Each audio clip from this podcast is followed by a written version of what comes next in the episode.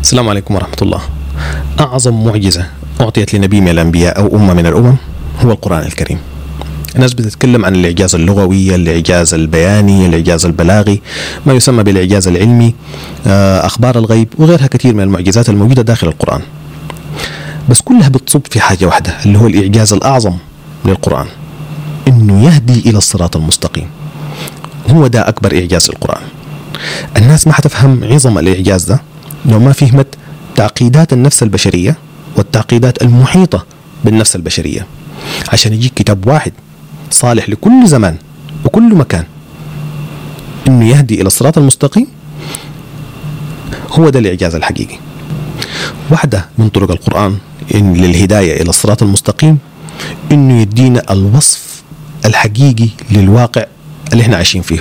الوصف الحقيقي والصحيح للواقع اللي إحنا عايشين فيه. كثير من الناس بتفتكر إنه طرق هداية القرآن كلها طرق خفية علينا. ان القرآن يهدي بطرق وأبواب مجهولة في عالم الغيب. إحنا ما نقدر نتعقلها. وده ما صحيح. أنا ما احصر طرق هداية القرآن الله أعلم بها. لكن القرآن نزل لأولي الألباب. نقدر نتعقله. كتاب مفهوم معقول. نقدر نفهم الحكم والعظة اللي موجودة فيه. بدليل كثير من آيات القرآن. إنها بتوصف إنه هو أنزل لأولي الألباب. فطرق عمل القرآن كثير منها مفهومة بالنسبة لنا. ومن أهمها زي ما أنا قلت وصف الواقع بالطريقة الصحيحة. يعني شنو؟ الأحداث حاليا في حياتنا كثيرة جدا من وباء عالمي لحروب لاختلافات سياسية وغيرها كثير من الأحداث. بس كل جهة عندها وصف مختلف لنفس الحدث. هو كان وباء بس كيف الناس بتوصف الوباء اللي حصل؟ بيوريك وين المشكلة في وصفهم إنه ما مطابق للوصف القرآني. القرآن القرآن بيتكلم لما ينزل وباء أو تنزل كارثة الغرض منها أغراض محددة. و من الجهة اللي هي جاية منها وسببت الحياة دي مفهومة ومعقولة في القرآن. لكن الناس ما مستخدمة الأدوات دي عشان تفهم بها أو تصف بها الواقع اللي إحنا عايشين فيهم. عندنا أهم مثال القنوات الإخبارية اللي حاليا في كل مكان. شوفوا الأحداث. كل جهة بتتناول الخبر بطريقة مختلفة بطريقة فيها مصلحتها هي. كيف بتوصف الناس؟ مين هم الأشرار؟ مين هم الأخيار؟ شنو الوضع المفترض يكون عليه الحال؟ كل جهة عندها طريقتها الخاصة. والله سبحانه وتعالى عنده الهدى بتاعه اللي هو في القرآن الكريم فماذا بعد الحق إلا الضلال؟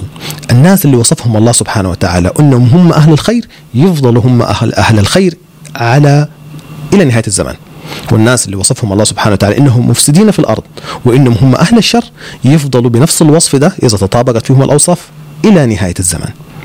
فما حيجي يوم في يوم من الأيام لأنه مجرد الناس ناس لعبت في الألفاظ وغيرت الكلمات يبقى إنه كلامهم هو الصحيح ويبقى إنه الواقع يشكل على حسب كلامهم.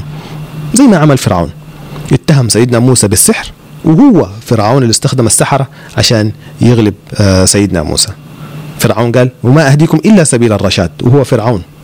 ويقول إنه سيدنا موسى عاوز يضل أهل مصر. فهل لمجرد إنه فرعون قال الكلام ده يبقى إنه هو ده الواقع؟ لا طبعا. لكن للأسف الناس صدقته. فاستخف قومه فأطاعوه. استخفهم استخف بعقولهم بأنه وصف لهم الواقع بالطريقة آه القلب بها الوقائع دي صدقوه. والله سبحانه وتعالى انتقم منهم. وده اللي حاصل حاليا في زمننا إحنا. إعادة وصف الواقع بطريقة الله سبحانه وتعالى ما يرضاها. الله سبحانه وتعالى لما يقول الفاحشة فاحشة بتاعت قوم لوط أو غيرها من الفواحش تفضل فاحشة على مدار الزمان. ما حيجي في يوم من الأيام يبقى اسمها مثلية. ما حيجي في يوم من الأيام اسمها الحب.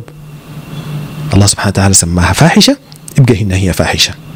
ومطالبين إحنا لما نيجي نوصف نفس الحدث نوصفه باللفظ القرآني فاحشة عشان توصل المعنى والمعنى يكون موجود في النفوس على مدار الزمان أهم قضية في حكاية وصف الواقع بالطريقة الصحيحة الطريقة القرآنية الصحيحة أو دي أنا أزعم إن هذه أكبر مشكلة إحنا عايشين فيها اللي هي مشكلة الهوية لما يسأل الإنسان أنت مين؟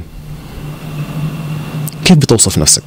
أنت كمسلم حاليا كيف بتوصف نفسك؟ أنت مين؟ مين هي إيش هي هويتك؟ ده حنتكلم عنها مرة تانية إن شاء الله. السلام عليكم ورحمة الله.